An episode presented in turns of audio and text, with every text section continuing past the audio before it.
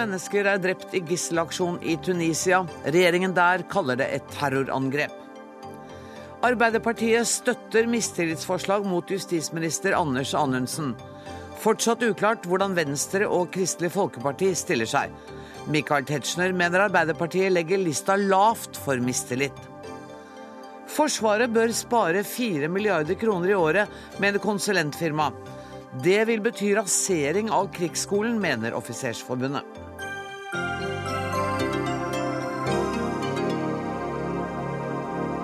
Dette er noen av sakene i Dagsnytt 18 denne onsdagen, der vi også skal høre om elever som får støtte av Lånekassen til å spille dataspill i ett år. Men først. 19 personer ble altså drept i angrepet i Tunis i dag, deriblant 17 utenlandske turister. Det opplyser Tunisias statsminister. De to gisseltakerne ble drept da sikkerhetsstyrker tok seg inn i Bardo-museet, hvor gisselaksjonen pågikk. Utenriksmedarbeider her i NRK, Jan Espen Kruse, hvordan foregikk denne gisselaksjonen? Ja, Det starta jo med skyting i, rett ved dette komplekset, hvor både nasjonalforsamlingen og dette nasjonalmuseet eh, er. Så De første meldingene som kom, eh, de gikk ut på at åtte mennesker var drept, blant dem sju turister. Og Så virker det som om eh, gisselaksjonen har fortsatt inne i dette museet. Eh, og det var 100 mennesker inne i museet til å begynne med. Og så har gisseltakerne tatt et titalls eh, gisler, noe, noe sånt. Og så har altså Politiet omringet hele komplekset og gått inn, og så har det blitt skyting. Og resultatet det er som du nevnte. Og Det er altså to gisseltakere som er drept. Vet man om det var flere? Eh, ja, eh, myndighetene i Tunisia de sier at det var fem totalt, og nå jakter de da på disse tre. Eh, det ble ikke sagt noe om hvem de er og hvor langt de har kommet i denne jakten, om det har vært resultat. Men etter det, det siste som har kommet nå, er at, at jakten pågår. Vet vi hvem som står bak? Eh, nei, det vet vi ikke. Men EUs utenrikssjef Mogherini hun sier at eh, det er IS, den islamske staten, som har gjennomført dette her. Og det gir jo et ganske nifst perspektiv. De gjennomførte jo en terroraksjon i, i nabolandet Libya. Nå har de kommet hit, til det første landet eh, hvor den, hvor den arabiske våren startet. Mm. Og eh, vi har sett siden 2011 en økende grad av aksjoner, eh, sammenstøt mellom politi og ytterliggående islamister. Og dette dette kan virkelig destabilisere hele landet. Utenriksminister Børge Brende, velkommen hit. Hvordan har de internasjonale reaksjonene vært i dag? Det er sterke fordømmelser. Og som eh, Crusoe understreker, så er eh, Tunisia kanskje det av landene i den arabiske verden som har vært gjennom den arabiske våren, som har fått et demokrati på plass, og som er veldig avhengig av turisme. Vi kan jo bare tenke oss hvilke konsekvenser et sånt terrorangrep Eh, vil få for eh, Tunisia fremover. Eh, og så er det jo selvsagt forferdelig å tenke på. 19 drept, tre terrorister nå på rømmen. Og den usikkerheten det skaper. Jeg så at den franske presidenten Hollande hadde sendt sine kondolanser til Tunisia. Har du gjort det samme? Det uh, har jeg. Iallfall på Twitter så er jeg jo gjort jeg så det på Twitter, for, ja. Ja. gjort rede for at, uh, at, vi fordømmer det på det sterkeste. Og så er det jo uh, andre, både statsminister og, og, og kongen, som i så fall vil gjøre det. Så det er nok og vil komme den type reaksjoner og den type kondolanser fra norsk side. Men det som gjør det ekstra skremmende nå, er jo at terrorisme og ekstremisme brer om seg, mm. eh, og i først i Libya, og nå i Tunisia. Mm. Og det, det som Jan Ispen sa, at man har sett det i Libya, man har ikke sett det Det har jo vært noe terrorhandlinger også i Tunisia tidligere, men ikke av denne karakter. Nei, det er helt uh, riktig. Det har vært uh, mindre aksjoner. altså Det har vært bombeeksplosjoner, det har vært skyting. Uh, et titalls, Noen titalls politifolk har mistet livet i disse sammenstøtene. Men, men et, sånt omfang, det, det, er helt nytt i Tunisia. Og det det er jo det altså hvis Myndighetene virker jo ikke som de er i stand til å stanse dette. De sier i dag at de skal gjøre det som er mulig, men det virker jo ikke som de har kontroll. Og det virker som det er massevis av våpen våpen i omløp. Og Tunisia har hatt hele 3000 unge menn i Syria og Irak. Og en del av de har kommet tilbake. Sånn at det, det er sterke krefter, sterke ytterliggående ekstreme islamister i landet. Her ser man jo de kostnader og den risiko som er knytta til Eh, fremmedkrigere. Når det er tusenvis av unge tunisiske eh, menn som har vært i Syria og Irak og kjempa, så har de jo kapasitet. Og Federica Mogherini, EUs utenrikssjef, eh, sier jo at dette er ISIL. Og hvis det er slik at ISIL står bak dette, så føyer det seg inn i rekken av at ISIL nå har tatt kontroll med enkelte byer i Libya. Og de 21 koptiske egyptiske kristne som ble drept for noen uker siden, viser jo at vi står i fare for å få samme type utvikling i verste fall eh, i dette området eh, som vi har sett i Syria og Irak, hvis man nå ikke tar grep. Og få på plass en, eh, en inkluderende regjering i Libya er nå og må være førsteprioritet i dagene fremover. Tusen takk for at uh, du kom hit, Jan Espen Kruse. Jeg skal be utenriksministeren sitte litt grann til, fordi vi skal uh, snakke litt mer om utenrikspolitikk, nemlig om valget i Israel.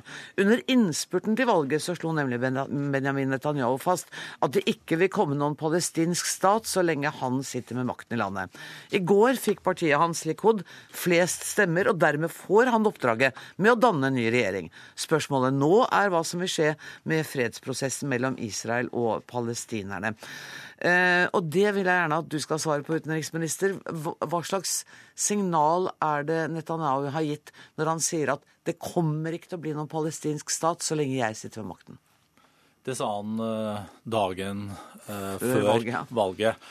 Jeg hadde en halvannen time samtale med ham for en måned siden i Jerusalem. og På det tidspunktet sa han at han er tilhenger av en tostatsløsning. og Jeg understreka sterkt hvor avgjørende dette er. Uten et politisk håp om en tostatsløsning, så vil vi kunne se en utvikling på uh, Vestbredden mm. som vi har sett uh, i Gaza. Det er stort alvor knytta til dette her nå. og Jeg håper jo intenst at den nye israelske regjeringa som skal dannes, vil ha i sin plattform at man skal gjenoppta forhandlingene om en tostatsløsning med palestinerne.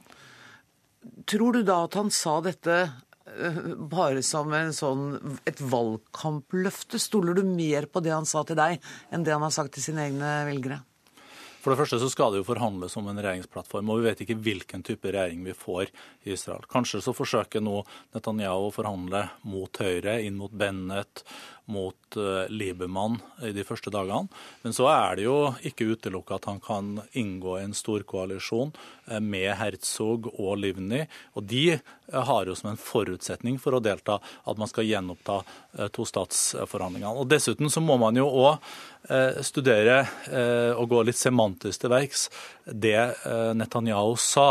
Det man får håpe at han vil Eh, si nå fremover, er jo at han mente at det ikke eh, var noe grunnlag for en tostatsløsning eh, akkurat nå. Og så får vi håpe at om tre uker så står det på dagsordenen. Men det viser jo kompleksiteten, og det viser jo hvor viktig det er å nå ha fullt trøkk Eh, på denne saken. Eh, vi skal ha med oss eh, vår utenriksmedarbeider Sigurd Falkenberg Mikkelsen også, men før vi går til ham, så har jeg lyst til å spørre deg, Snorre Valen fra SV. Hvordan reagerte du da Netanyahu nå vant igjen, og Likud-partiet vant? Ja, Det var trist. Det var trist for israelerne, som opplever stadig større sosial nød og, og fattigdom og forskjeller, men enda mer trist for palestinerne, som får statsprosjektet sitt sabotert i mange flere nye år. Eh, det her er veldig alvorlig. Eh, Netanyahu presser Israel inn i en ganske moralsk uakseptabel situasjon. Eh, der man på sikt jo annekterer hele Vestbredden og Gaza, og der man har et A- og B-lag med innbyggere. Det er uakseptabelt, og derfor er vi nødt til å øke presset på Israel nå. Det ene vi bør gjøre, er å slutte oss til de over 130 landene som har anerkjent Palestina. Eh, og det andre er å legge et direkte press på Israel gjennom smarte sanksjoner som rammer okkupasjonsøkonomien okay, i Israel. Jeg skal be dere begge to ta på dere hodetelefonene, for da skal vi snakke med Sigurd Falkenberg Mikkelsen, vår Midtøsten-korrespondent. Hvordan er reaksjonene på valget der dagen derpå? Nei, Her i Tel Aviv så kom jo valgresultatet eh, som et uh, sjokk. fordi Da folk gikk og la seg, så regnet de med fordelen Netanyahu med en rimelig dødt løp. Og så våknet de opp, altså opp i et valgskred for den sittende statsministeren. Og reaksjonene er også der hen. På høyresiden og særlig Likud så er de ekstatiske. Mens skuffelsen på venstresiden er ekstra stor denne gangen. Fordi denne gangen så hadde de faktisk et håp. Det var kanskje så stort som det ble Eh, gitt inntrykk av i dagene opp mot valget, men likevel de hadde et håp om å få makten tilbake. Det skjedde altså ikke. Isteden så venter en eh, ren eh, høyreregjering etter alt å dømme. Tusen takk skal du ha, Sigurd Falkenberg Mikkelsen. Det var såpass dårlig telefonlinje at jeg tror vi må snakke sammen mer enn en annen dag. Uh, utenriksminister, uh, du hører Snorre Valens uh, utrolige skuffelse over det som har skjedd. er han for pessimistisk? Min oppgave er nå å se på de mulighetene som eksisterer med det valgresultatet som det israelske folk eh, har eh, kommet til. Eh, og det er fortsatt mulig å se for seg at det kan bli danna en koalisjonsregjering i Israel bestående av Herzog og Livni, som er Labour, Men du hørte jo nettopp Folkeberg Mikkelsen si at det var et valgskred for Likud, og at det sannsynligvis blir Netanyahu og Likud-partiet alene. Vil, hvis det skulle skje, da, hvordan vil du da se på situasjonen? Det er det ikke noe grunnlag for, fordi at Likud har fått 30 Knesset-medlemmer, og det er 120 til sammen. slik at han må jo opp i et mye større antall og skape en koalisjon. Så spiller jo presidenten i Israel òg en viktig rolle når det gjelder utforming av denne. Så tror jeg, iallfall så håper jeg, at Netanyahu ser at han vil bygge en mye sterkere regjering ved å inkludere Herzog og Livni. Mm. Jeg tror ikke han har noe Jeg håper iallfall han ikke har noe sterkt ønske om å gjøre det nødvendigvis sammen med ultraortodokse partier og andre som er helt eksplisitte i sin avstandtagen til en tostatsløsning. Men for Norge er det fortsatt uaktuelt å anerkjenne den palestinske staten? Vi har eh, som eh, prinsipp at vi ikke anerkjenner visjoner, men realiteter. Men, eh, og sånn som situasjonen er nå, så er ikke tiden inne til det. Men det er ikke noe tvil om at Norge sammen med resten av Europa Eh, har fullt trykk på eh, å få til en gjenopptagelse av forhandlingene om en tostatsløsning. Og så tror jeg faktisk ikke at noe eh, demonstrasjonsforslag om boikott av Israel, anerkjennelse Dette vil lett bli slag i lufta. Men jeg har respekt Sverige har jo gjort det. Ja, og det har vi jo sett hva som har kommet ut av det. Altså, altså Palestina er ikke noe nærmere uh, en eh, realitet når det gjelder uh, en tostatsløsning gjennom uh, det. Det som er avgjørende. Og jeg hadde en samtale, lang samtale med president Abbas på fredag. og det som han innstendig ba meg om, det var følgende prioritering. Og det er en prioritering jeg er enig i. For det første så må man sørge for at Netanyahu nå frigjør det som er palestinernes rettmessige skatteinntekter. Det er en milliard som holdes tilbake. Okay. Palestina er i ferd med å gå konkurs hvis det ikke utbetales. Så er det å legge press på den nye israelske regjeringa at man skal gjenoppta forhandlinger om tostats, en tostatsløsning uten nye bosetninger mens man forhandler, og at det skal være basert på grensa før 67, med mulighet på bytte av land. Det er en realpolitisk utfordring som vil hjelpe. Så er det ikke så viktig at vi anerkjenner eh, det, Palestina? Det, det, ser jeg ikke noe om. Jeg tror, nei, nei. Han, jeg, jeg tror, Han, eh, er veldig fornøyd med at Sverige uh, gjorde det, ja. men jeg tror ikke det er hensiktsmessig nå hvis vi skal spille en viktig politisk rolle, ikke minst som leder av giverlandsgruppa, hvor vi er avhengig av dialog med begge parter. Men hvis, du vil demonstrere, hvis man vil demonstrere og, øh, og markere på den måten, så er jo det selvsagt øh, en måte å gjøre det på. Men altså, Nå høres det litt ut som utenriksministerens eh, såkalte realpolitiske vurderinger baserer seg veldig på et håp om at Netanyahu for det første ikke mener det han sier til israelske velgere, og for det andre at han vil inngå en koalisjon med Herzog eh, og det sionistiske partiet, som sier at de ikke vil samarbeide med Netanyahu. Virkeligheten er den eh, at Netanyahu har drevet en, en, ganske rå demagogisk valgkamp. New York Times kalte den rasistisk på lederplass nå nylig, eh, og forplikta seg overfor de israelske velgerne å stille seg veien for en tostatsløsning. Når land bryter folkeretten systematisk, så må det få konsekvenser. Vi i SV eksempel, har støtta helhjertet opp om de økonomiske sanksjonene mot Russland etter at Russland tok seg til rette og invaderte Ukraina. Men la oss ikke snakke om Russland og Ukraina. Nei, vi kan ikke ha andre regler for ett land. Og det er nå engang sånn at så lenge Israel ikke har noe kostnad forbundet med okkupasjonen, vi betaler kostnaden for den gjennom giverlandsgruppa, og vi skal sitte stille og vente, ja, da blir det aldri noen palestinsk stat. Og det er oppskriften på sammenbrudd i Midtøsten. Det skal, begynner å haste. Vi skal snakke med en ekspert. Hanne Eggen Røiselin, førsteamanuensis. Dere må ta på dere hodetelefonen igjen, mine herrer. Um, hvor strategisk var det fra Netanyahus side å snakke om Palestina dagen før valget? Nå har du hørt denne samtalen mellom eh, utenriksministeren og Snorre Valen. Ja, jeg eh, hører den samtalen, og jeg stusser ofte litt ved den typen samtaler når vi skal snakke om israelsk politikk, fordi Det kommer litt an på hva hensikten er. Det er klart, eh, det er jo et viktig synspunkt å, å snakke om palestinernes sak dagen etter det valget som har vært i Israel, men, da, men det gjør, gjør, ikke, forklarer ikke hvorfor israelerne stemmer som de gjør. Og, så da lurer jeg litt på hva hensikten med det er, fordi at det er jo ikke Palestina-saken i seg selv som er avgjørende for det israelske valget. Tvert imot så er den ganske fraværende når man leser israelske aviser. Tvert, de er interessert i helt andre ting. og Sånn sett så det jo, var det ganske lurt det som Netanyahu gjorde. Altså han, han svarte jo på en måte på ethvert spørsmål Eh, som gikk på sosialøkonomiske forskjeller, og at nå er det større eh, at det går dårlig internt i Israel, så svarer han jo alltid 'men Iran', eller 'men, eh, mm. men, men sikkerhet'. Han svarte på de tingene som resonnerer i den israelske befolkningen. Og jeg tror at eh, en forklaringsmodell her egentlig eh, en viktig faktor har mye mer å si at vi begynner å se hva skal jeg si, eh, resultatene av den eh, arabiske våren på det israelske samfunnet. Mye mer enn nødvendigvis altså spørsmål om Palestina og, og palestinernes framtid eller innenrikspolitiske spørsmål. Så jeg, Det er jo åpenbart også det Netanyahu har gjort. Vi kan være enige eller uenige, men det funka jo. mm, han vant faktisk. Han vant jo valget. Tror du at han kommer til å gå i eh, koalisjon med bl.a. Herzog, altså fra Sionistunionen? Israelske regjeringer er interessante fordi at de har ingen eh, Soria Moria-erklæring. De har eh, aldri eh, hatt, eh, siden, omtrent siden tidlig på 50-tallet, hatt en ideologisk plattform. De er brede konstellasjonsregjeringer hvor eh, det nærmest har vært det å holde seg flytende som har vært viktig. Så det gjør også at er, sant, Vi har hatt eh, nå regjeringer som spenner fra Arbeiderpartiet og til forbi kod på høyresiden. og Det viser jo sant, at dette her dreier seg om styring, og også hva, hvordan de israelske valg valgsystemet er.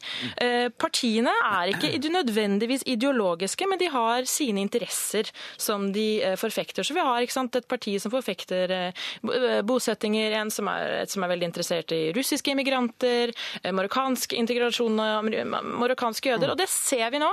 Og det er også det Netanyahu klarer. Han klarer å fri til, på tross av at han ikke er spesielt populær, så klarer han å fri til de nødvendige småpartiene som gjør at han holder seg selv flytende, gang på gang på gang. Tusen takk skal du ha, Hanne Eggen Røiselin. Og takk også til mine venner i studio. Vi er nødt til å avrunde tidlig fordi utenriksministeren har en viktig avtale på Det kongelige slott om ikke så veldig lenge. Men takk til, også til Snorre Valen. Dagsnytt 18 alle hverdager klokka 18. På NRK P2 og NRK2.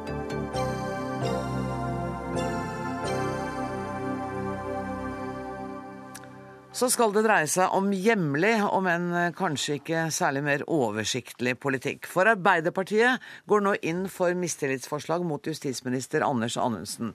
Og følger dermed etter SV og Senterpartiet. Det er foreløpig uklart hva KrF og Venstre vil, men Jette Christensen, du sitter i kontroll- og konstitusjonskomiteen for Arbeiderpartiet. Kan du si noe om diskusjonen som førte til at dere ville støtte SV i dette? Det kan jeg godt. Eh, kontrollfraksjonen til Arbeiderpartiet eh, gikk i eh, gruppemøte til, Arbeiderpartiet i dag med et råd. Og det var at pga at Anders Anundsen har tilbakeholdt informasjon pga. at han har feilinformert Stortinget, eh, og pga. at han ikke har vært med på å gi det fulle bildet, i tillegg til å bryte opplysningsplikten og Grunnloven, så anbefalte vi gruppa eh, å lande ned på at man ikke lenger hadde grunn for å si at man hadde tillit til Anders Anundsen som justisminister. Vi skulle gjerne hatt Anders Anundsen her i studio, dessverre hadde han ikke anledning til å komme. Men jeg avbryter. Alt i orden. Eh, det er en grunn til å forklare hvorfor en justisminister ikke har tid til å komme i NRK. Men, eh, han, eh, men da hadde vi iallfall en lang og grundig diskusjon ut ifra kontrollperspektivet i denne saken. For det, det dreier seg jo om har justisministeren overholdt opplysningsplikten til Stortinget. Arbeiderpartiet mener at det sammen med flere andre ting. At han bl.a. sa at det åpna seg en returmulighet til Afghanistan, når vi ikke ser at det gjorde det. Når han sier at politiet at det er politiet sin feil eh, at eh, politikkendringene ikke ble kommunisert ut. Når han i, tillegg til å si at politiet hadde skjønt det likevel, når politiet sier at de ikke hadde skjønt at det skulle være en politikkendring. I tillegg til å feilinformere Stortinget, holde tilbake informasjon, så var det et stort bilde eh, som gjorde at Arbeiderpartiet landa ned på at det ikke er mulig å si at vi har tillit til Anders Anundsen som justisminister lenger. Men dette er jo symbolpolitikk, for får jo, det får jo ingen praktisk betydning. Altså, Så fremt ikke Kristelig Folkeparti og Venstre mot alle signaler skulle komme til å støtte dere. Det kommer de ikke til å gjøre, sånn som det ser ut nå. Så hvorfor legge så mye arbeid i at dere skal markere dere overfor Stortinget? Vi i kontrollkomiteen tar kontrollfunksjonen på alvor. Vår oppgave er å se til at de som sitter i regjering, gjør det de sier til Stortinget at de gjør, og at de opplyser Stortinget ordentlig. Vi ser på denne saken her isolert og gjør eh, oppgaven vår grundig, på samme måte som, eh, som eh, saksordfører har gjort, og gått inn eh, og sett på all den eh, dokumentasjonen vi har fått, og, og landet ned på den konklusjonen. Så eh, vil ikke jeg forskuttere hva Venstre nei, og KrF vil gjøre, men så framt man har alle de begrunnelsene man har. Man har dokumentasjon på at han har feilinformert. Han har ikke eh, gitt Stortinget all informasjon eh, som tilflatt saken. Eh, han har skyldt på embetsverket. Det er en bred palett som gjør at Arbeiderpartiet sier at vi ikke kan ha tillit til Anders Anundsen som statsråd. Mikael Tetzschner, hvordan reagerte du da du hørte at Arbeiderpartiet stilte seg bak SV i denne saken? Ja, jeg tror det er riktig å si at de stilte seg bak SV, for her har jo SV vært deres åndelige fører.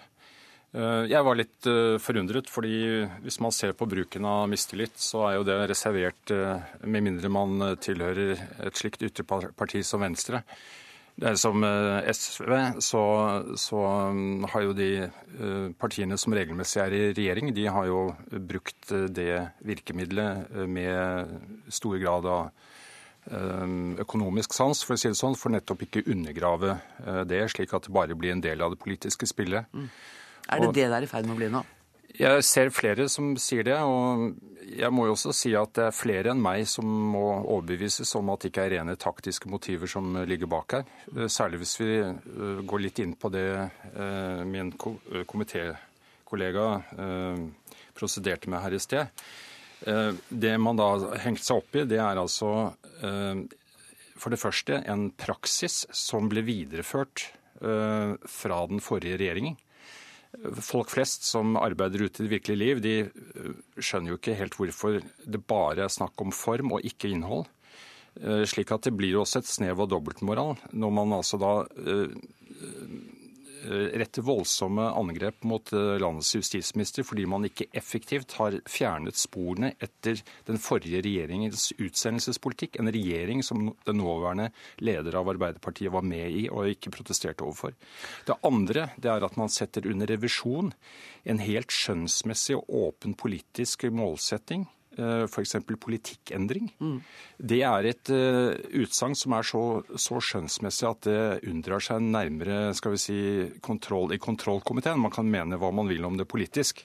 Og så kan vi gå inn i de andre grunnlagene etter hvert. Men uh, kan jeg tolke deg dit hen, for at nå skal det leveres merknader til kontroll- og konstitusjonskomiteen fra de ulike partiene innen fredag. Kan jeg tolke deg dit hen at Høyre ikke kommer til å komme med noe kritikk av justisministeren?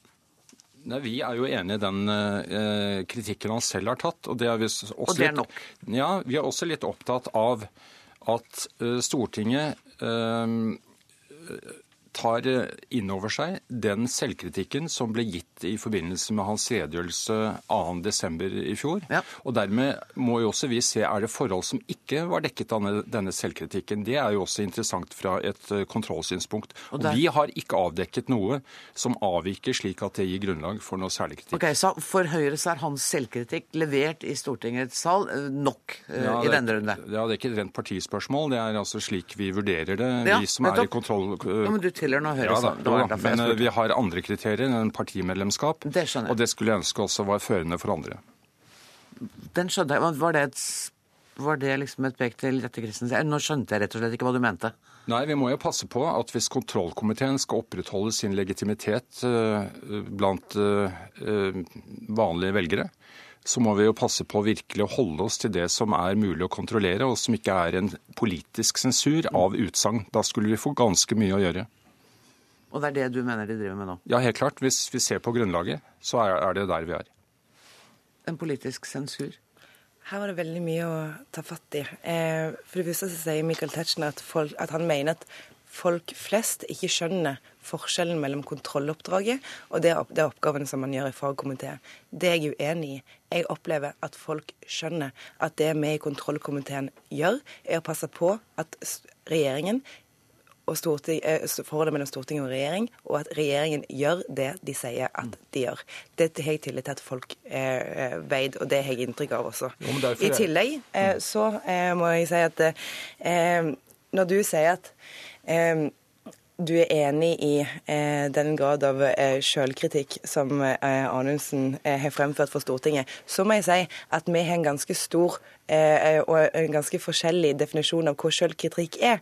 Vi var i samme høring der Anders Anundsen sa setningen 'Det er ikke mulig å gjøre dette på en bedre måte enn det jeg har gjort'.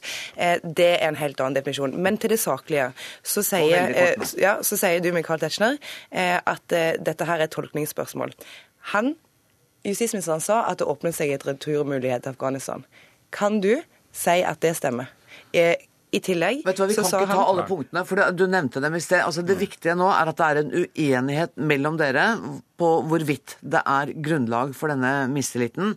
Eh, Og sånn som jeg tolker det, så mener Tetzschner at eh, justisministeren har tatt selvkritikk. Det er tilfredsstillende. Du mener at det er ikke tilfredsstillende. Og dere fortsetter med mistillitsforslaget. Jeg må sette strek her og si tusen takk for at dere kom, Jette Christensen og Michael Tetzschner. Og så skal vi få inn eh, to andre i studio, nemlig eh, Dagbladets eh, Marie Simonsen og NRKs Magnus Takvam. Um, Marie Simonsen, du skriver i dag at Kristelig Folkeparti og Venstre svelger alt for å ha innflytelse, selv FrPs eh, asylpolitikk. Nå vet vi jo ikke enda utfallet av disse gruppemøtene i Venstre og Kristelig Folkeparti, men det var da gravsame salbe da, Simonsen? Det syns jeg var fortjent. Dette er eh, først og fremst Venstre og KrF som har kjørt denne saken. Dette er eh, hjertesaker for de to partiene, og særlig for KrF, men også for Venstre. Det var noe av det de var eh, gladest og jublet mest for, var at de fikk til denne asylavtalen, og skrøt av at de hadde fått til en bedre politikk enn de rød-grønne, og det var veldig bra. Eh, Det var snakk om dette hensynet til, til de lengeværende asylbarna, blant annet. Eh, Og så har de også vært blant de hardeste kritikerne under høringen i kontrollkomiteen, og for så vidt gjennom hele høsten når denne saken har rullet og gått.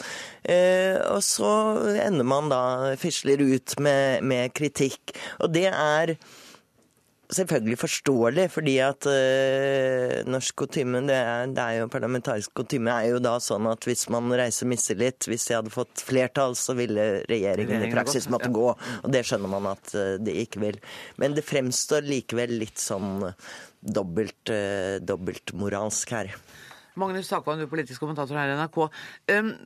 Den begrunnelsen som partiene nå har tatt for de ulike standpunktene, er alle de begrunnelsene, eller i hvert fall Høyre, eh, SV og Arbeiderpartiet, går man an å forstå begge disse ytterpunktene? Nå sa jo Michael Tetzschner at han hadde ikke noe grunn til å kritisere noe mer enn det justisministeren selv har gjort. Altså, Det man knytter mistillitsforslaget til, er jo det som heter eh, statsrådens opplysningsplikt til Stortinget. Eh, og da, da har, f.eks. Arbeiderpartiet i dag hatt et valg. Skulle de eh, definere den opplysningsplikten så dårlig overholdt at, eh, at det er grunn til å fremme mistillit eller støtte mistillit, eller bare sterk kritikk. Og det er en, det er en glidende overgang der. Altså, Aftenposten eksempel, i sin lederartikkel, som er kritisk til Anundsens håndtering av denne saken, som de aller fleste er, sier at han jo, han kom med omtrentlig informasjon til Stortinget osv., men at den, det ikke var snakk om eh, aktivt å villede Stortinget og føre dem bak lyset. Så man etter min mening kan lande på eh, begge deler. Når Arbeiderpartiet, som jo er nyheten i dag, har gjort dette, så er det kanskje overraskende for eh, en del, fordi Arbeiderpartiet ikke har hatt som tradisjon å liksom fremme mistillit eh, i, i, i hytt og pine, som mm. Tetzschner var litt inne på. Eh, og da er jo vurderingen er det taktikk eller ikke. Jeg tror i hvert fall at beslutningen hadde vært langt mer krevende hvis de var overbevist om at Venstre og KrF også eh, kom til å fremme mistillit, og at det hele kunne utløse en regjeringskrise. Beslutningen skjer ikke i et politisk vakuum. Men, men Marie Simonsen, kan det også være et politisk spill i dette fra Arbeiderpartiets side at de i hvert fall vil vise Kristelig Folkeparti og Venstre at de har litt uh, muskler, og de tør å stå ved et mistillitsforslag? Det er klart, men akkurat i asylpolitikken så har ikke Arbeiderpartiet noe særlig å skryte av. Nei, det var derfor, de for jeg var litt overrasket over dette her i dag. Så, så, det er jo ikke noe På det området er det jo ikke noe alternativ for Venstre og KrF. Tvert imot, som sagt, skrøt de av at de fikk bedre asylpolitikk med, med de blå. Men det har jo vist seg å være en sannhet med ganske sterke modifikasjoner. Men eh, det man eh, bygger, så vidt jeg forstår, mistilliten på, er jo den rene altså kontrollfunksjonen. Det har ikke noe med politikk å gjøre i det hele tatt. Og der er det jo at en statsråd skal opplyse, ikke bare svare på spørsmål, men gi fullgod, eh, fullgod opplysning. Og det er vel her det, man føler at eh, annonsen ikke har innfridd helt. Når kommer Kristelig Folkeparti og Venstre til å fortelle oss hva de mener om dette? da? De har antydet i løpet av denne uka. Eh, teoretisk så kan de vente helt til selve voteringen i Stortinget. Det er ingen som tvinger dem til å flagge noe på forhånd i en sånn sak. Men jeg tror, jeg tror de kommer til å, å, gjøre det i løpet av, kanskje denne fredagen som kommer, om et par dager. Og det er nok slik at eh, de fleste observatører og Arbeiderpartiet, som jeg er inne på, regner eh, med at Venstre og KrF ikke kommer til å lande på mistillit. Men samtidig er det mange personer i de to partiene som mener saken er så alvorlig at man bør la alle taktiske hensyn fare. Slik at de har en reell diskusjon. Men selvfølgelig er disse to partiene eh, også bundet på én måte, i hvert fall politisk, av en viss lojalitet når det gjelder den samarbeidsavtalen de har inngått. slik at det er jo årsaken eh, til at de, de, fleste regner med at de ikke vil bidra til en regjeringskrise. Og det man, det man sliter med nå sant, i Venstre og KrF, er jo hvordan de skal lande på en mildere form. Eh, holde seg unna mistillit, akkurat på den riktige grensen. Og Det betyr jo at de faktisk må skrive merknader at de da er uenig med de rød-grønne partienes begrunnelse for sin mistillit. Og Det blir jo kanskje, kan bli en tøff oppgave når man ser på hvordan de har oppført seg i kontrollhøringen, og også i Stortinget, hvor de har kommet med veldig hard kritikk. Og vi kommer til å følge nøye med. Tusen takk skal dere ha, Marie Simonsen og Magnus Takvam.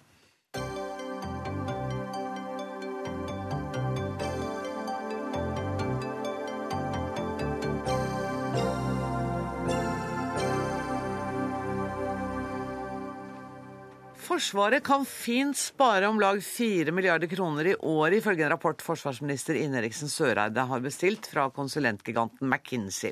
Dette skjer etter tiår med kutt som har vært så store at mange mener vi nå ikke har et godt reelt forsvar lenger.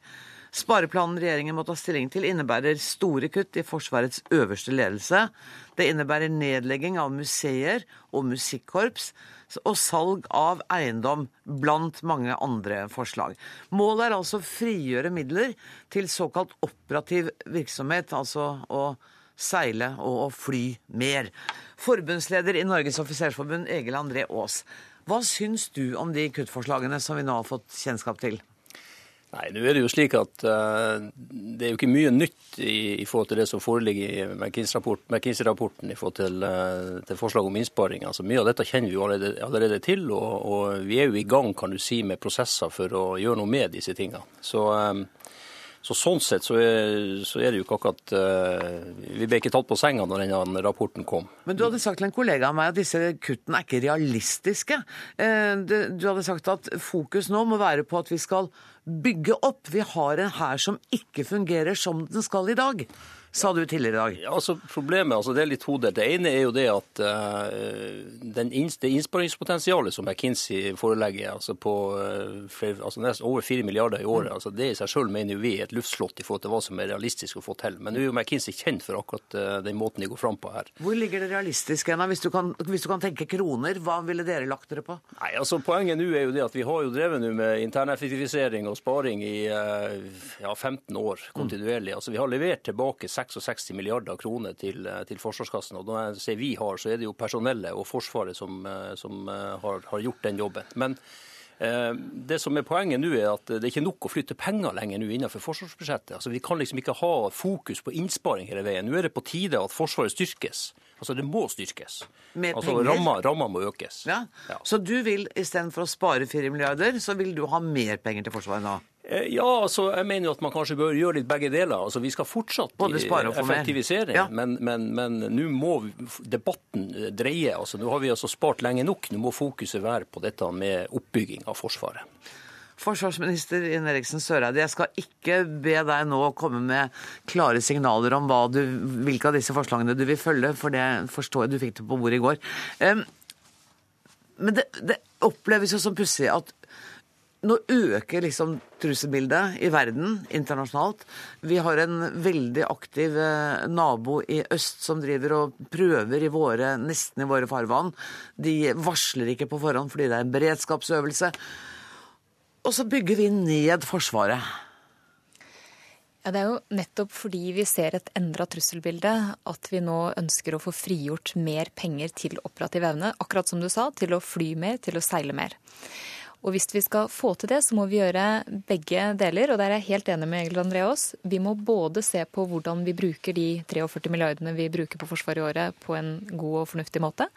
Men vi må også legge til mer penger. Og regjeringa har jo konsekvent økt forsvarsbudsjettene siden vi kom i regjering, og vi tenker å fortsette med det. Men vi må også se på vår egen ressursbruk, for hele poenget her er ikke å spare penger, men å vri pengene fra stab, støtte og forvaltningsfunksjoner over til operativ evne. Og la meg gi ett eksempel. I dag så bruker vi i liten grad rammeavtaler på kjøp av hyllevare som f.eks. kontorstoler og briller. Hvis vi kunne bruke mindre penger på kontorstoler og briller, mm. og mer penger på ammunisjon og seiling, så ville jeg vært veldig glad. Og det er jeg helt sikker på at Egil André også ville vært, og hans medlemmer. Men jeg tror det er, det er viktig at vi når, vi når vi ser det lange perspektivet her, så ser vi et utfordringsbilde som jeg har vært veldig tydelig på og veldig åpen om.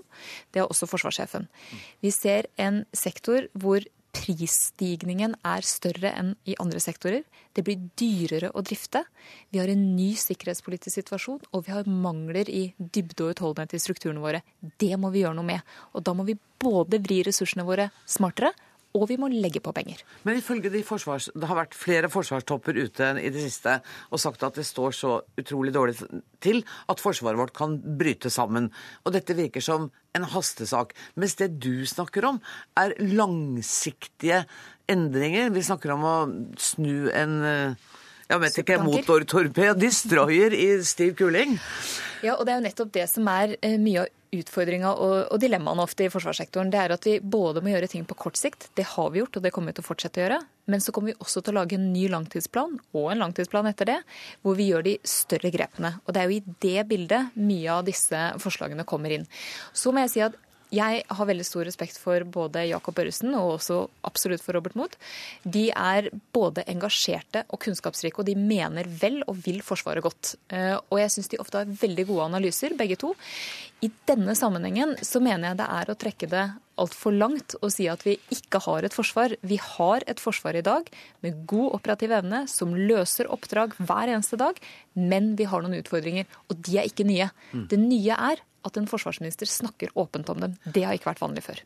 Nei, Det tar kanskje noen litt på senga, det at forsvarsministeren er så åpen om hvilke utfordringer hun står overfor? Ja, altså at hun, eh, at hun presenterer kan du si, en sånn åpenhet innenfor dette området, det, det må jeg jo si vi setter, setter stor pris på. Men, men, jeg må jo si det i forhold til den diskusjonen som nå har vært versert i avisene, og det som Jakob Børresen har vært ute med. altså Han har jo et poeng. altså i, eh, altså Du, du sier jo sjøl det, statsråd, at uh, dette med utholdenhet er noe som er for dårlig. I den sammenhengen så, så, er det jo også slik at vi har altså alvorlige mangler i Hæren. Så man kan jo, man kan jo stille seg spørsmålet har vi det som skal til for at Forsvaret skal fungere på en bra måte. Jeg mener nei. Mm. Vi mangler altså kampluftvern. Vi mangler eh, eh, artilleri. Er det så langt på vei artilleri? Det begynner å bli gammelt, utdatert. Eh, Leo 2, altså stridsvogn, må oppdateres. Og så vet jeg at dette ligger jo inne i inneværende langtidsplan i forhold til investeringsbudsjettet der. Men bekymringa vår nå er at man utsetter altså eh, disse oppgraderingene og disse innkjøpene. Man dytter på de her eh, tingene. Og, og til slutt så er vi redd for at vi kommer til et punkt hvor, hvor det ikke blir realisert. For at vi vet alle det at om kun kort tid så kommer F-35, altså våre nye jagerfly. Da kommer de til Norge, og mm. det koster penger. Mm. Jo, men det vil jo hjelpe òg, da.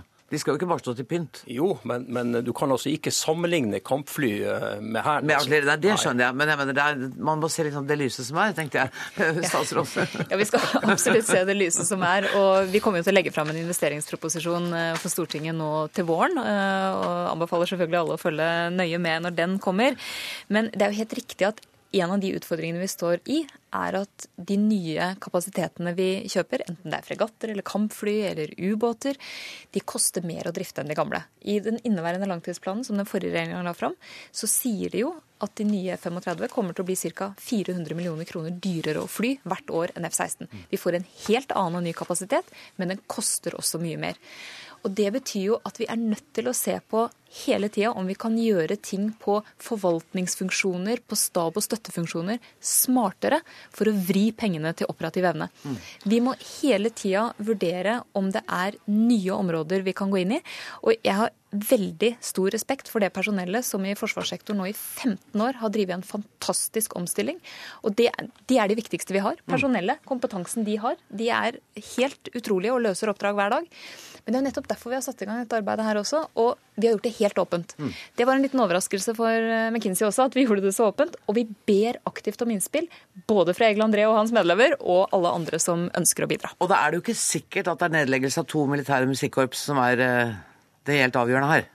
Nei, altså som sagt, Jeg har ikke tatt eh, stilling til noen av forslagene ennå, men jeg syns det er interessant å se at det er et potensial på områder hvor vi på en relativt enkel måte kan bidra til å vri ressursene over fra stab og støtte, fra kontorstol og briller, til ammunisjon og seiling. Da gleder vi oss til å se forslaget ditt når vi kommer så langt. Tusen takk skal du ha, Ine Riksen Søreide og Egil André Aas.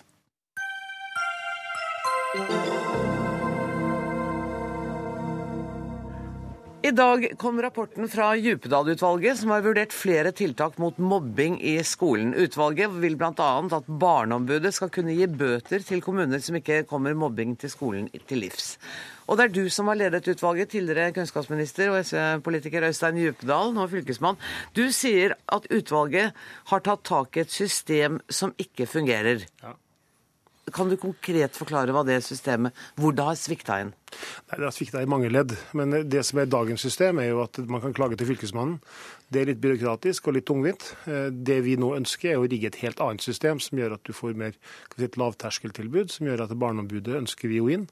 At barn kan ta kontakt, og at det blir et juridisk enhet som kan bistå familier og bistå barn. Eh, sånn at de blir på en måte førsteinstans til å klage. Eh, vi er blitt inspirert av dette av Sverige, som har hatt dette systemet. Og vi ser at dagens system ikke er godt nok. Eh, vi ser at dagens system gjør at eh, det er mange systemsvikt. Og vi ser at mange barn og familier har gått i en evig runddans. Sågar fått vedtak hos Fylkesmannen om at skoleeier må skjerpe seg. Og så har ikke skole gjort det man har bedt om, og så har likevel familiene ikke fått hjelp. Og kampen mot mobbing er nå fornyet. Og hvis det er noen som mener å ha hørt noe av dette før, så stemmer det kanskje, for eh, jobbing mot mobbing i skolen har pågått en stund. Vi skal høre litt på hva som har blitt sagt tidligere. Og vi begynner med kong Haralds nyttårstale i 2002. Mobberne og deres ofre er mange. Det kan vi ikke leve med. Problemet med mobbing i skolen var i hovedsak både i Hans Majestet Kongens og i min egen nyttårstale i fjor. En landsomfattende kampanje har nå vært i gang i over et år, og resultatene viser seg. Vi som er voksne, må ta tak i mobbing blant barn og unge. En ødelagt barndom kan sette dype spor. Så dette har vi hørt om da, i en 12-13-14-15 år. Øystein Djupedal, hva er det ved dine forslag som gjør at nå kommer det til å virke? Siden 1983 så er det mange som har prøvd, med ulike kampanjer. Svakheten med alt det vi har gjort før, og som har vært velment og godt tenkt, er at det har vært kampanjer. Det vi nå prøver, er at vi skal lage et systematisk endring i skolen. Det viktigste tiltaket vi gjør, er å bygge kompetanse i hver enkelt skole. Der bør de fleste mobbesaker løses. De bør løses mellom voksne mennesker og barn og familier i skolen. Så er det noen få saker som vi ønsker at det, skal, eller må tas videre. Men forskjellen på det vi nå gjør, og alt det som har vært velment og godt uh, før, er at vi nå prøver å lage et helt omfattende systemendring som gjør at kompetanse i skolen bygger kapasitet og kunnskap, sånn at voksne mennesker ikke er redde og usikre. Veldig mange av disse sakene der barn lider overlast, er jo fordi at barn har tatt kontakt, blir ikke trodd, det blir bagatellisert, det bortforklares. Ikke fordi at mennesker ikke ønsker, eller voksne ikke ønsker hjelp, men de vet simpelthen ikke hva de skal gjøre. Så de vet ikke hvem de skal snakke med. For voksne mennesker er også utrygge som barn er utrygge. Så det vi ønsker nå, er å bygge kapasitet og kompetanse på skolen, sånn at det er læreren som opplever eller ser dette, har noen å snakke med, og sammen løse det. Og da er prislappen? Nei, dette kan godt være en halv milliard, det kan være en milliard, men det er på en måte ikke det viktigste. Det Dimensjoneringa av dette er det litt opp til politikerne våre å bestemme. Mm. Vi anviser metoder og en vei som vi tror er ganske trygg. Det utvalget ble oppnevnt av den forrige regjeringen. og jeg vet ikke, Kunnskapsminister Torbjørn Røe Isaksen, er du fornøyd med det forslaget som er kommet i dag? Eh, ja, det er jeg absolutt. Jeg mener at det gir et veldig godt utgangspunkt for en fornya kamp mot mobbing. Og det er jo ikke en kamp som vi blir ferdig med noen gang. Eh, vi, vi, kommer ikke til å sitte her om, om, to år og si at nå er vi ferdig med kampen mot mobbing, greit, nå går vi videre. Det er en kamp som må være kontinuerlig, eh, og den må være systematisk og den må være langsiktig. Men vi kan ta skritt i riktig retning. Så mener jeg at uh, utvalget har gjort en veldig grundig jobb. De har lagt fram flere, flere forslag som til sammen utgjør en helhet, men hvor det også selvfølgelig må, må, må, må gå inn og vurdere enkelte forslag, fordeler og ulemper ved dem, veie gode og dårlige ting opp mot hverandre. Men du må jo da for det er din oppgave å tenke økonomi her. Tenker du en halv milliard, eller tenker du en milliard? Vet du hva, jeg synes at vi, vi har fått det utvalget sitt forslag i dag, og da syns jeg ikke det første vi skal gjøre er å verken forsøke å sette en prislapp eller forsøke å sette en øvre grense. Jeg syns først vi skal tenke over hvordan skal vi få mobbetallene ned? Hvilke tiltak tror vi på? Hvilke tiltak mener vi at vil fungere? Eh, hvilke tiltak er mer gode enn de enn har flere styrker enn svakheter? Og så må vi samtidig huske på også at vi, vi må bygge på det som fungerer bra i skolen i dag også. På en del skoler, ganske mange skoler, så har de tatt fatt i dette. De har fått mobbetallene ned. De har også erfaringer som vi må lære av. Men et av forslagene som det har vært mye snakk om i dag, har jo vært å styrke Barneombudet. Kan du liksom umiddelbart tenke at det er en god idé? Altså, Å styrke Barneombudet er en god idé. Mm. Det konkrete forslaget som Djupedal-utvalget har Det spurte jeg om nå, jeg bare spurte om styrking, for nå sitter ja, hun her. Altså at, og Barneombudet spiller en veldig viktig rolle i dette. Mm. Men det forslaget de har, er jo enda litt mer enn å bare styrke Barneombudet. Men da forstår jeg at du heller vil gå videre enn at jeg skal Jeg hadde tenkt å høre hva, hva, Anne Lindboe tenker om styrkingen. Altså, hvis vi nå ser bort fra dette konkrete forslaget om å kunne ilegge bøter og, og kanskje få en egen, mye større juridisk avdeling, men det at Barneombudets rolle blir mer formalisert og styrket, vil det i seg selv bidra til at man reduserer mobbingen? Det i seg selv vil ikke bidra til at vi reduserer mobbingen, men det som trengs, er at barn må få raskere og bedre hjelp enn det de får i dag. Vi får 400 klager i året hos oss eh, på barn som har gått lenge uten å få den gode hjelpen de trenger. Da har vi foreslått eh, at det må på plass en, et lavterskel klageinstans som er tilgjengelig for barn og unge, og som har de juridiske musklene som gjør at sakene kan få en rask løsning. At ikke sakene kan gå, pågå i år, sånn som det er i dag. Og hvem det skal være, det er jo en viktig diskusjon som vi må ta framover nå. Jeg er villig til å ta på meg den oppgaven hvis man kommer fram til at det er den beste løsningen. Men for meg er det viktigste at barn får den hjelpen de faktisk eh, trenger, og at lovverket kommer på plass eh, sånn at de får den rettssikkerheten de trenger. Ja, for jeg tenker 400 henvendelser til Barneombudet, det vitner om at det er heller ikke et lavterskeltilbud i dag. Eh, fordi ungene har gått lenge og har tatt mot i seg til å Men det kommer litt an på. Altså, for det, det, er jo de henvendelsene det, det, jo, det, kan jo være også uh, barn og unge og foreldre som i desperasjon henvender seg til Barneombudet. Fordi at de kjenner Barneombudet, vet ikke hvor ellers de skal gå. Mm. Og det er et tegn på at dagens system ikke er godt nok. Uh, og det er vi nok helt enig i. Uh, altså når, vi får, når vi får så mange meldinger om foreldre og barn og unge som har gjort det vi sier de skal gjøre, nemlig meldt fra, gitt beskjed, mm. og så føler de allikevel at de ikke blir tatt fatt i, at det ikke er sånn at mobbingen slutter, da er det eh, et tegn på at systemet ikke fungerer. Og da handler det om kompetanseheving på hver enkelt skole, ikke sant? Ja, det er det ene. Ja. Det er, altså, og det tror jeg alle også er enige om. Ja. At uh, hvis man bare lager uh, regler og lover, men det ikke skjer noe ute på den enkelte skole, at man ikke har den store alarmknappen å mm. trykke på for å få mobbing til å slutte, da hjelper det ikke. Men det handler jo også om hvor skal man gå hvis, hvis det svikter på skolen. Mm. For å klage, det er noe av diskusjonen. Mm. Dagens system er ikke bra nok, for det er for mange som opplever å bli sviktet. og Det er jo der Djupedal-utvalget har foreslått at, at eh, Barneombudet skal få en større rolle. Nettopp. Og eh, Anne Lindboe, hvordan ser du for deg at et godt lavterskeltilbud med dere i hovedrollen kunne se ut? Nei, det som er vår styrke, er at vi allerede er ganske godt kjent blant eh, barn og unge. Vi får mange henvendelser. Vi har et ansikt, i motsetning til f.eks. det Fylkesmannen har i dag, som jo er den riktige klageinstansen, men som får mange færre henvendelser enn det vi får. Vi har også kompetansen, vi har god juridisk eh, kunnskap, og vi har en pådriverrolle som kan brukes veldig positivt. Så jeg tenker at hvis det blir sånn at vi får den eh, oppgaven, så kan vi behandle enkeltsaker, høre barn, gjøre det som skal gjøres. Og så kan vi også bruke det til å styrke vår generelle pådriverrolle og påpeke eh, svakheter i systemet. Så det å ha begge de rollene kan være noe positivt eh, for oss som barneombud, og styrke den innsatsen vi gjør for barn. Og statsråd, uansett hva forslagene måtte bli, så, så har du ganske kort tid på å bestemme deg. fordi at unger lider mens vi snakker om dette. Ja, og, og vi, så hvor lang tid har du tenkt å bruke? Nei, altså Først må vi, må vi, ha det ut på høring, og det er en viktig del av demokratiet. Og, men vi kommer til å starte allerede nå og begynne å jobbe med forslagene, begynne med våre vurderinger. Og så kommer vi til å legge det fram etter hvert som vi er, er klare og har gjort vurderingene våre. Mm. Og så er det jo, ja, ja, Så du at jeg så på klokka? Ja, det er helt riktig. Jeg skulle bare til slutt sitte i Djupedal. Det du har klart i dag, er jo å få satt dette på dagsorden igjen. Vi har fått trykket kronikken din i sju eh, aviser. Det er jo helt eh, utrolig. Nesten, nesten, skapt irritasjon mange steder, men eh, gratulerer med det. Takk for at dere kom. Hør Dagsnytt 18 når du vil. Radio NRK.no.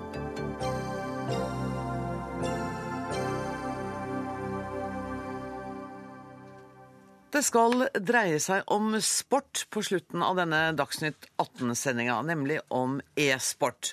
For tre ganger i uka spiller elevene på e-sportlinja ved Buskerud folkehøgskole dataspill, et fag som Lånekassen støtter. Dette er ikke den rette måten å bruke offentlige penger på, mener Fremskrittspartiet. Og Bente Thorsen, du er medlem av Fremskrittspartiet i utdanningskomiteen. Hvorfor er det ikke greit at på en folkehøyskole i ett år så får man en spisskompetanse i dette? Eh, nå er det sånn at eh, Mine uttalelser er jo basert på, på folkehøgskoleloven, og den er helt tydelig på det at skolen skal utarbeide dokumentasjon over elevene sitt læringsprogram og deltakelse. Og Dokumentasjon den må være utformet slik at den gir grunnlag for vurdering av realkompetanse inn mot utdanningssystem og arbeidsliv.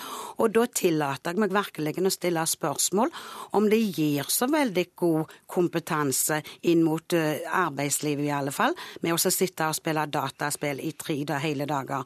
Jeg tenker da, Hadde det ikke vært bedre dersom det òg var en mulighet for oss å lære seg å lage spill, faktisk dataspill? Og det er ikke det at verken Fremskrittspartiet eller jeg er imot imot eh, dataspill. Tvert imot. Jeg spiller sjøl, for å si det sånn. Så det gjør jeg. Men tenk hvis disse ungdommene, når de først gikk på folkehøgskole, og det er knalldyrt, eh, at de samtidig da fikk lære seg å lage spill. Det er en næring i vekst. De hadde fått flere bein stått på, og de hadde hatt mulighet til å få seg et arbeid når de kom ut, eh, på langt bedre grunnlag enn kun å sitte og spille dataspill, som de kunne gjort hjemme på gutterommet eller i en fritidsklubb.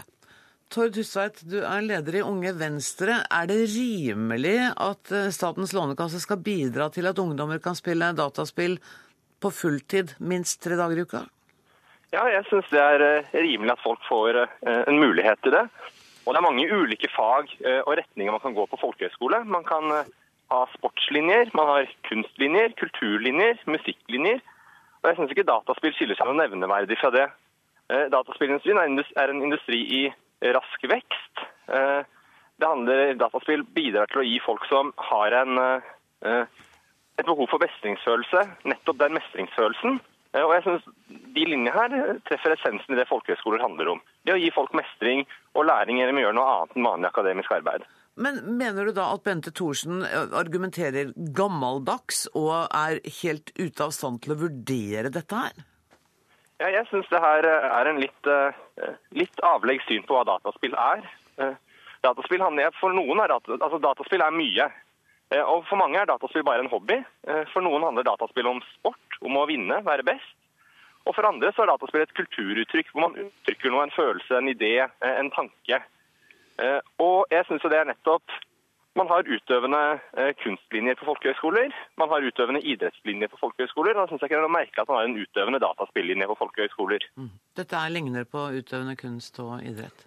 Eh, ja, det, det kan, eh, kan Tord godt mene. Men poenget mitt i denne saken her, det er det at det faktisk dette her er en viktig næring. Og da så kun til å sitte og lære seg å spille, selv om sikkert det er kjempegivende for de som, som deltar, når de samtidig kunne lært seg også spilt eh, og, og lagd disse spillene. Om vi ser i skolesektoren i dag, det blir mer og mer læremateriell som blir lagd digitalt.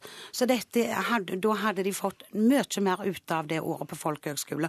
Og selv om folkehøgskole skal være et eh, spesielt, kanskje et hvileår, ungdommer skal finne seg sjøl, og i det hele tatt eh, Folkehøgskoler er greit og er bra, men her altså, om de da hadde vridd over til noe som de hadde høsta enda litt mer av, til og med ute i arbeidslivet, så, så syns jeg ikke det verken er gammeldags eller håpløst. Jeg Blir du litt provosert av tanken på disse ungdommene som sitter og spiller dataspill til klokka 11 om kvelden tre kvelder i uka? Nei, for meg må de bare spille akkurat okay. hvor mye de vil. Så det som provoserer deg, er at de får eh, lån fra Statens lånekasse for å gjøre det? Eh, jeg har ikke tenkt å gjøre noe med det i og med at alle foreslår noen som helst ting på det, i og med at folkehøgskolene er så spesielle. Men jeg syns her blir det en mulighet misbrukt, rett og slett. Og det koster dyrt for elevene å gå, det er ca. 100 000. Og så har vi da statlige tilskudd i tillegg. Og vi har, må ha lov å stille kritiske spørsmål til pengebruk. Hustvedt, hadde det ikke vært en idé at elevene i tillegg til å lære å spille, også kunne få kompetanse på hvordan man lager spillene? Altså, Jeg syns vi godt kunne hatt linjer som eh, lærte om hvordan man lager spill. Jeg syns vi skulle hatt programmering inn på grunnskolen. Mm. Men jeg syns ikke det er et mot eh, at det betyr at man ikke kan ha linjer som handler først og fremst om spilling. Og spørsmålet blir er f.eks. Bente Thorsen da mot uh, Tonheim, som er en folkehøyskole hvor du lærer å spille musikk. Ikke nødvendigvis å lage musikk, men hvor man da har utøvende musikk som en linje. Uh, Hvis man skal bygge kompetanse i dataspill, så handler det ikke bare om den klassiske kompetansesynet at man må lære å lage, men også det å spille, få en opplevelse av hvordan det er. Ha en kompetanse av hva folk liker og ikke liker, er viktig. Og Det er ikke all kunnskap som kan måles og veies. Og den kunnskapen man oppnår gjennom å spille data, er kunnskap man senere kan ta med seg inn i arbeidslivet. Og senere kan ta med seg inn i en digital industri som vokser. Men også organisasjonen eh, Spilleavhengighet sier til Aftenposten at de er bekymret for at disse linjene nettopp kan føre til spilleavhengighet. Er ikke dere også litt bekymra for det? Nei, Nå er jo ikke dataspillavhengighet en eh, anerkjent diagnose, eh, men så forskes det på det, så vi får se hva som kommer fremover der. Men det er en av fordommene mot dataspill. Men så er det mange som kanskje bruker dataspill til å flykte fra virkeligheten. Mange som har andre problemer. Eh, Og hvis du har andre problemer med å da flykte til dataspill, så kan det å få komme på en folkehøyskole for å være en del av et sosialt miljø, bli trent opp i sosiale settinger, være nettopp det du trenger, og ikke være noe som forsterker problemet, men noe som løser problemet. Bente Thorsen, hva tenker du om at man kan rett og slett opprette flere linjer, og at dette er det fremadrettede, eh, og at du representerer litt alderdommelig, fordomsfull tenkning rundt dette? Det, det tror jeg faktisk ikke. Jeg mener det er, beti det er betimelig hele veien å stille spørsmål hvordan vi bruker offentlige midler, og hvordan vi òg oppfordrer andre til å bruke sine penger, selv om det står de fritt til å bruke de som de vil. Mitt poeng er det at dette her er det en unik mulighet. Dette er en næring i vokst, det vet vi. Vi var i Finland med utdanningskomiteen forrige uke, og de poengterte nettopp det betydningen av hva å lage dataspill, hva artikkel det vil bli framover. Og da tenker jeg det at eh, disse ungdommene hadde hatt eh, mye mer igjen ut av det dersom de jo hadde fått lært seg noe mer enn bare å spille. Kanskje kommer det en sånn linje også. Tusen takk skal dere ha, Bente Thorsen og Tord Hustvedt. Ansvarlig for Dagsnytt 18 i dag var Ida Tune Ørritsland. Det tekniske ansvaret har Lisbeth Sellereite. Jeg heter Anne Grosvold og ønsker dere alle en riktig god kveld.